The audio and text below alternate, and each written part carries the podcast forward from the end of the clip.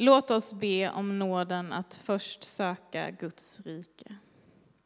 O Gud, du som ger liv åt allt skapat, lär oss att alltid först söka ditt rike och din rättfärdighet, så att vi litar på din nåd och av din hand tar emot dina gåvor. Genom din son Jesus Kristus, vår Herre och Gud, som är dig Fader och den helige Ande, lever och råder från evighet till evighet. Amen. Hör Herrens ord.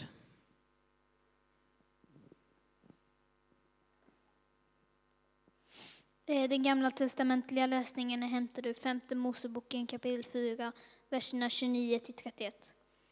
Mose sade, men där ska du söka Herren, din Gud, och du ska finna honom om du frågar efter honom av hela ditt hjärta och med hela din själ. När du är i nöd och allt detta drabbar dig i kommande dagar, då ska du vända dig tillbaka till Herren, din Gud, och lyssna till honom. Ty Herren, din Gud, är en barmhärtig Gud, och han ska inte överge dig eller låta dig gå under. Han glömmer aldrig det förbund han ingick med sina fäder och bekräftade med ed. Så lyder Herrens ord. Gud.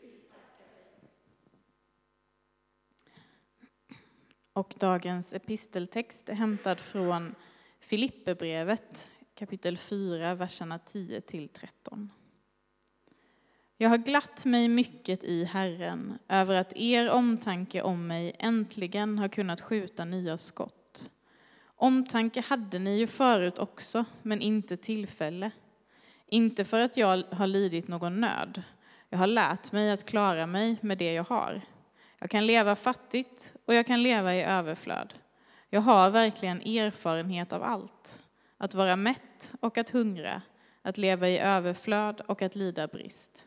Allt förmår jag genom honom som ger mig kraft.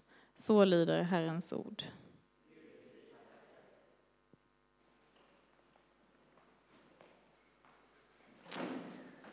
Vi får upplyfta våra hjärtan till Gud denna eftermiddag och höra vad evangelisten Lukas skriver.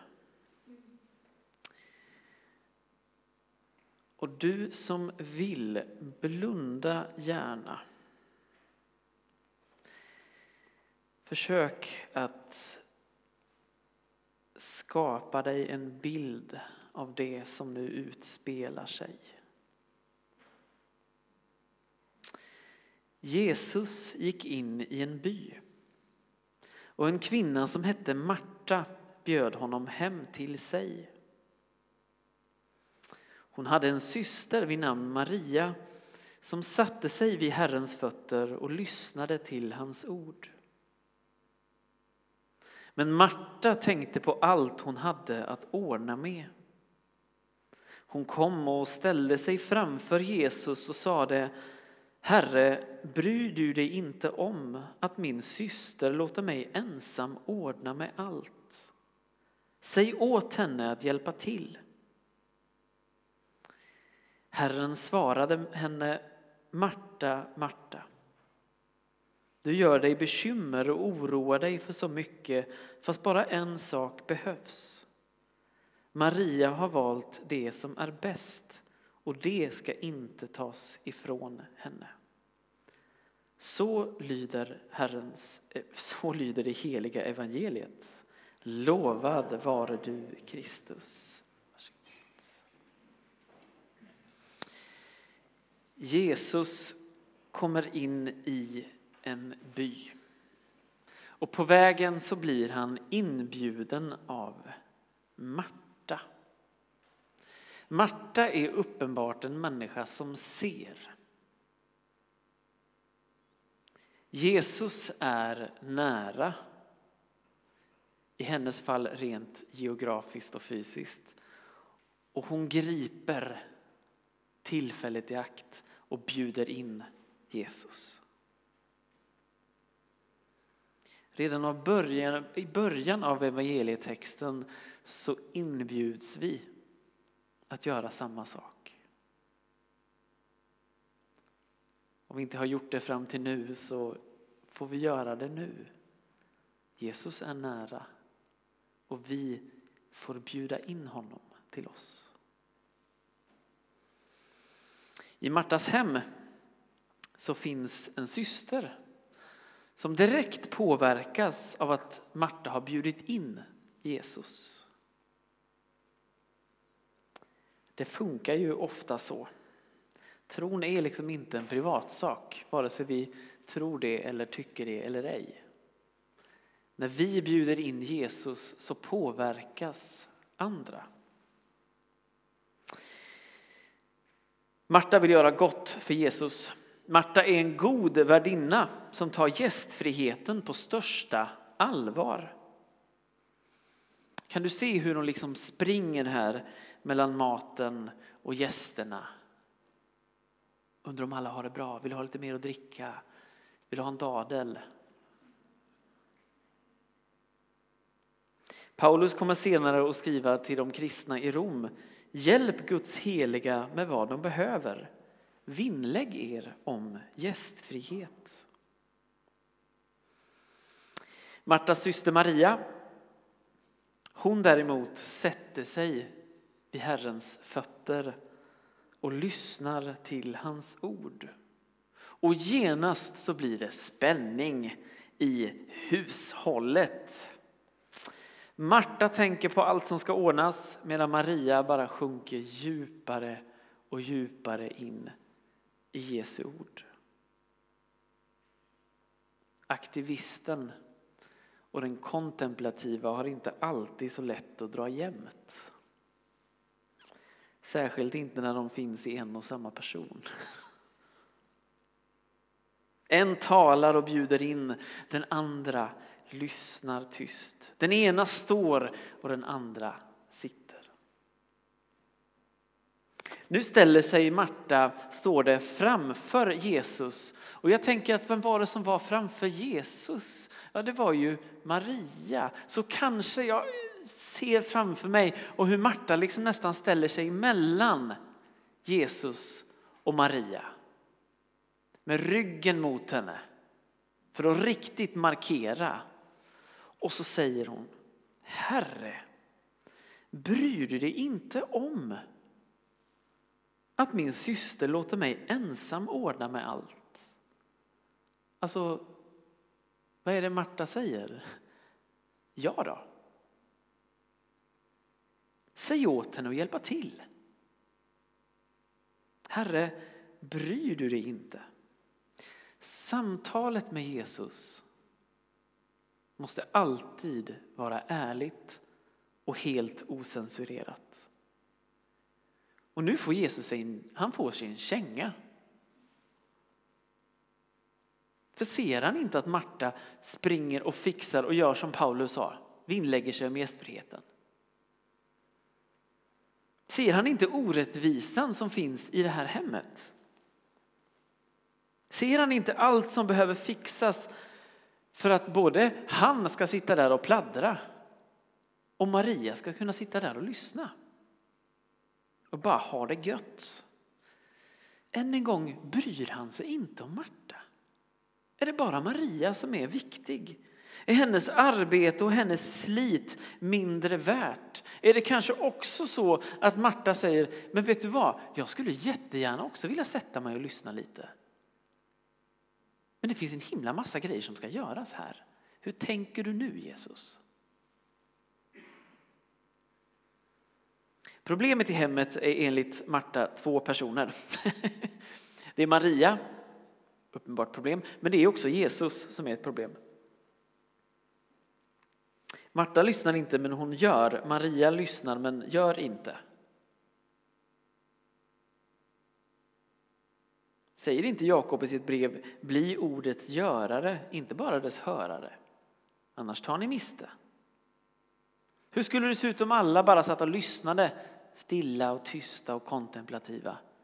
Tunga ögonlock dagarna i ända. Hur skulle då de som är fångna få uppleva frihet? Hur skulle då de fattiga få mat? Hur skulle då människor få höra om Guds rike?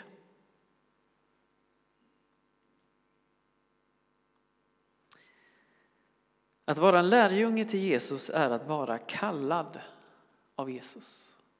Och när Jesus ropar på människan så säger han kom och följ mig. Kallelsen är per definition först och främst ett kom. Kom. Kom. Och de av oss som har upplevt eller erfarit den kallelsen tror jag alla kan vittna om att det där kommet berodde inte på hur förträffliga vi var. Berodde inte på att vi hade lyckats komma till en bra punkt där Jesus sa, ja, men nu, nu är jag på bra plats. Nu har jag inte så mycket mer jobb att göra så nu, nu passar jag på att kalla. Nej, nej, tvärtom. Gud kallar oss där vi är. Kom. Kom till mig alla ni som är tyngda av bördor. Jag ska skänka er vila. Det börjar med att vi kommer till Jesus och så börjar alla projekt, all verksamhet, varje kristen gudstjänst, allt i våra kristna liv börjar med att vi kommer till Jesus. Följ mig, det är sen en naturlig följd och en naturlig del av att vi kommer och lyssnar till Jesus. Där blir vi ordets både hörare och görare. I vår gudstjänst så tar det här sig uttryck, uttryck i att den avslutas med vad? En sändning. Ut där du finns, ut i livet. Jesus lyssnar på Marta. Jesus har ju en viss tendens att vara ganska bra på det där med att lyssna.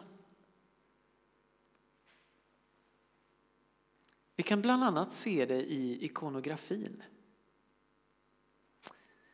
Ni som har vägarna förbi vår lilla ljuständningsstation nere, till, ja, nere i hörnet. Och ni som kanske har sett en ikon någon gång kan kanske ha lagt märke till att öronen på Jesus syns. Två till antalet. Ögonen ser mig. Och hur är det med munnen på en ikon? Den är alltid stängd. Vad säger det oss? Här är någon som först och främst vill lyssna. Vill höra min bön. Vill höra min suckan. Vill höra hur eländigt det är. Jesus, han är bra på att lyssna.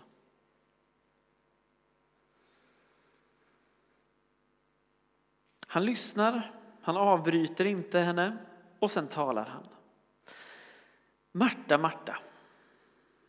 Du gör dig bekymmer och oroar dig för så mycket. Fast bara en sak behövs. Maria har valt det som är bäst och det ska inte tas ifrån henne. Två gånger så uttalar Jesus hennes namn. Marta, Marta. Det är som att Jesus säger, jag ser dig. Jag vet vad du heter. Jag vet var du är. Marta, Marta. Du gör dig bekymmer.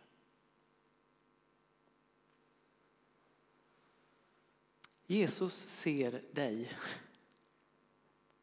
Jesus ser också dig som han ser Marta i allt ditt slit, i allt det där som måste göras.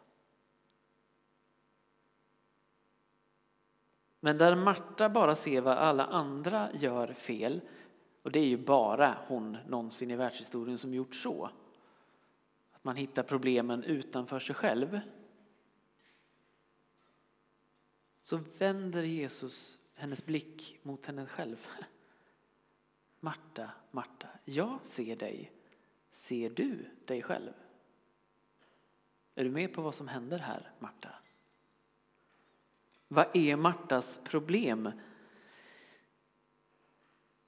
I grundtexten så står det att Marta oroar sig över diakonin, tjänandet.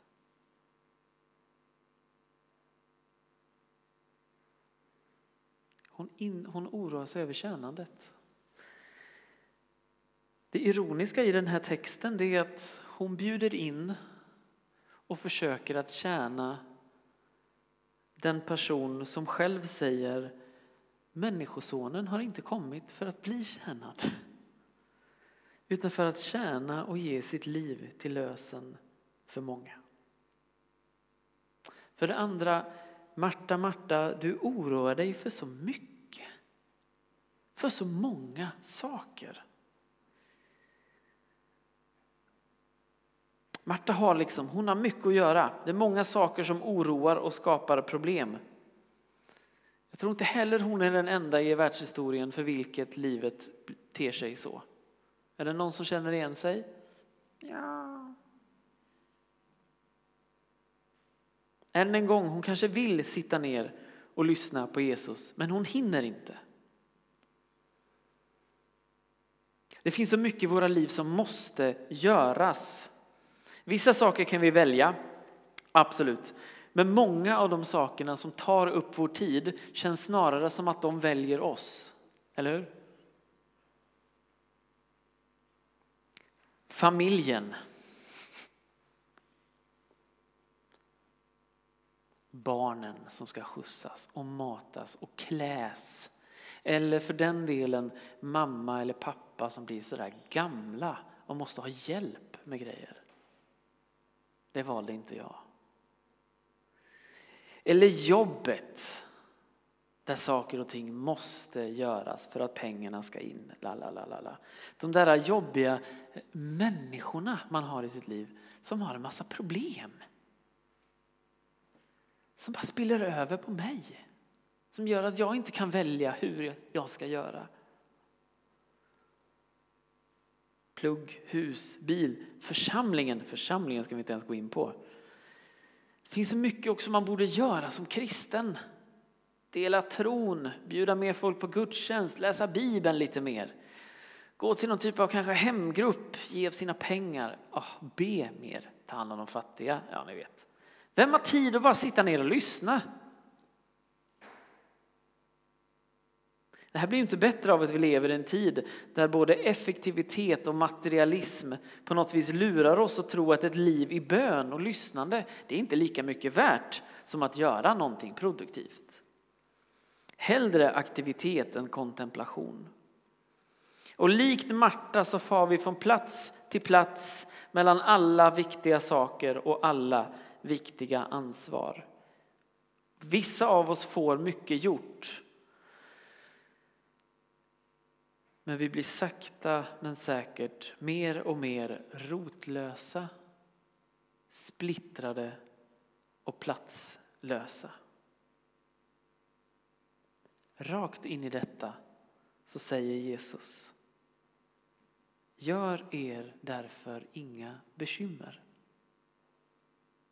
Fråga inte vad ska vi äta, vad ska vi dricka, vad ska vi ta på oss? Allt sådant jagar hedningarna efter. Men er himmelske fader vet vad ni behöver, att ni behöver allt detta. Sök först hans rike och hans rättfärdighet så ska ni få allt det andra också. Gör er därför inga bekymmer för morgondagen, den får själv bära sina bekymmer. Var dag har nog av sin egen plåga. Bekymmerslösheten är en kristen dygd. Det innebär inte ansvarslöshet. Det är någonting annat, det är ingen annan dygd, det är bara något annat. Ansvar och bekymmer kommer vi alltid ha på den här sidan evigheten. Men vi, likt Maria, behöver inte göra oss fler bekymmer än de som liksom redan ges oss. Jag hoppas ingen av er har ett överflöd av liksom, eller underskott på bekymmer. Man har varit gött med några till. Men vi är fantastiskt bra på att skapa bekymmer och skapa oro. Och Jesus säger, var dag har nog av sin egen plåga. Du behöver inte uppfinna fler.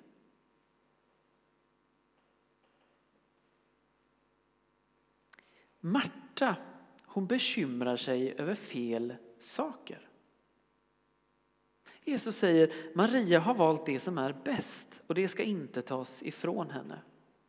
Vad är det Jesus säger till Marta? Har hon gjort fel som har tjänat? Önskar Jesus att ja, men, drömbilden är att alla sitter och bara lyssnar? Martas problem är inte att hon tjänar. Det är inte att hon tar ansvar för det som måste göras.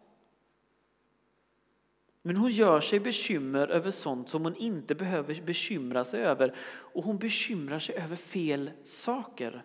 Hon är splittrad och delad i alla dessa oron och bekymmer. Hennes oro och bekymmer gör att hon alltid är någon annanstans än här och nu. Är det någon som känner igen sig? Man är all over the place.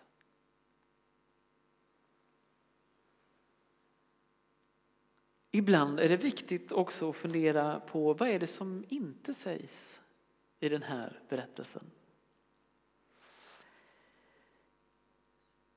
Ja, det här är inte en text som handlar om Marias eventuella problem. Jesus säger ingenting om Maria därför att Jesus väljer att fokusera på Marta.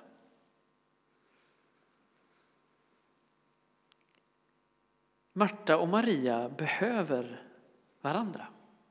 Och det är möjligt att vi efter den här texten får höra hur Jesus går ner till Marta och säger, eller Maria, förlåt, och påminner henne också om att gör något av det här också. Glöm inte att också bli en ordets görare. Men vad är det Maria har valt och vad är det som gör att detta, det hon har valt, är det bästa? Maria har valt en plats. Marta springer runt mellan många platser. Maria rotar sig vid Jesus.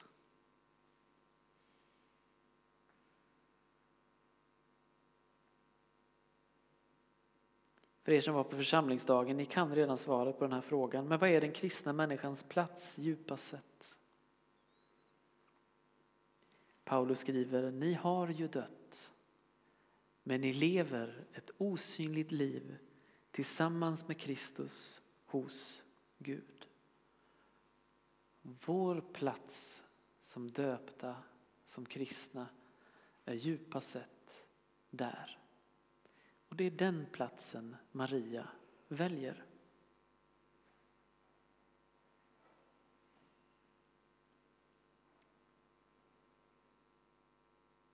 Marta talar och Marta bjuder in. Maria lyssnar.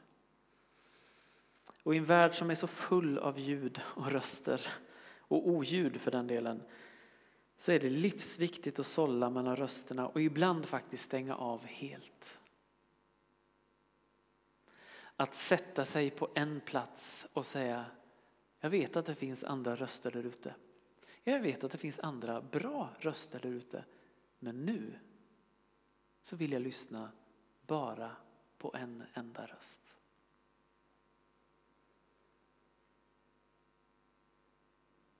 I en värld där man ska armbåga sig fram, ha spetskompetens och göra sig hörd så är det livsnödvändigt, inte bara viktigt, livsnödvändigt att lära sig att lyssna.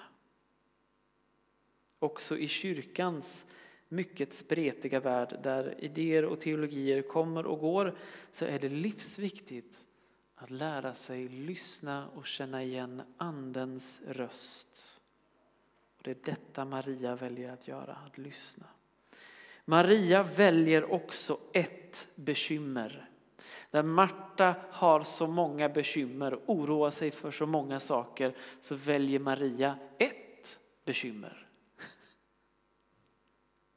Hon väljer att oroa sig över det viktigaste.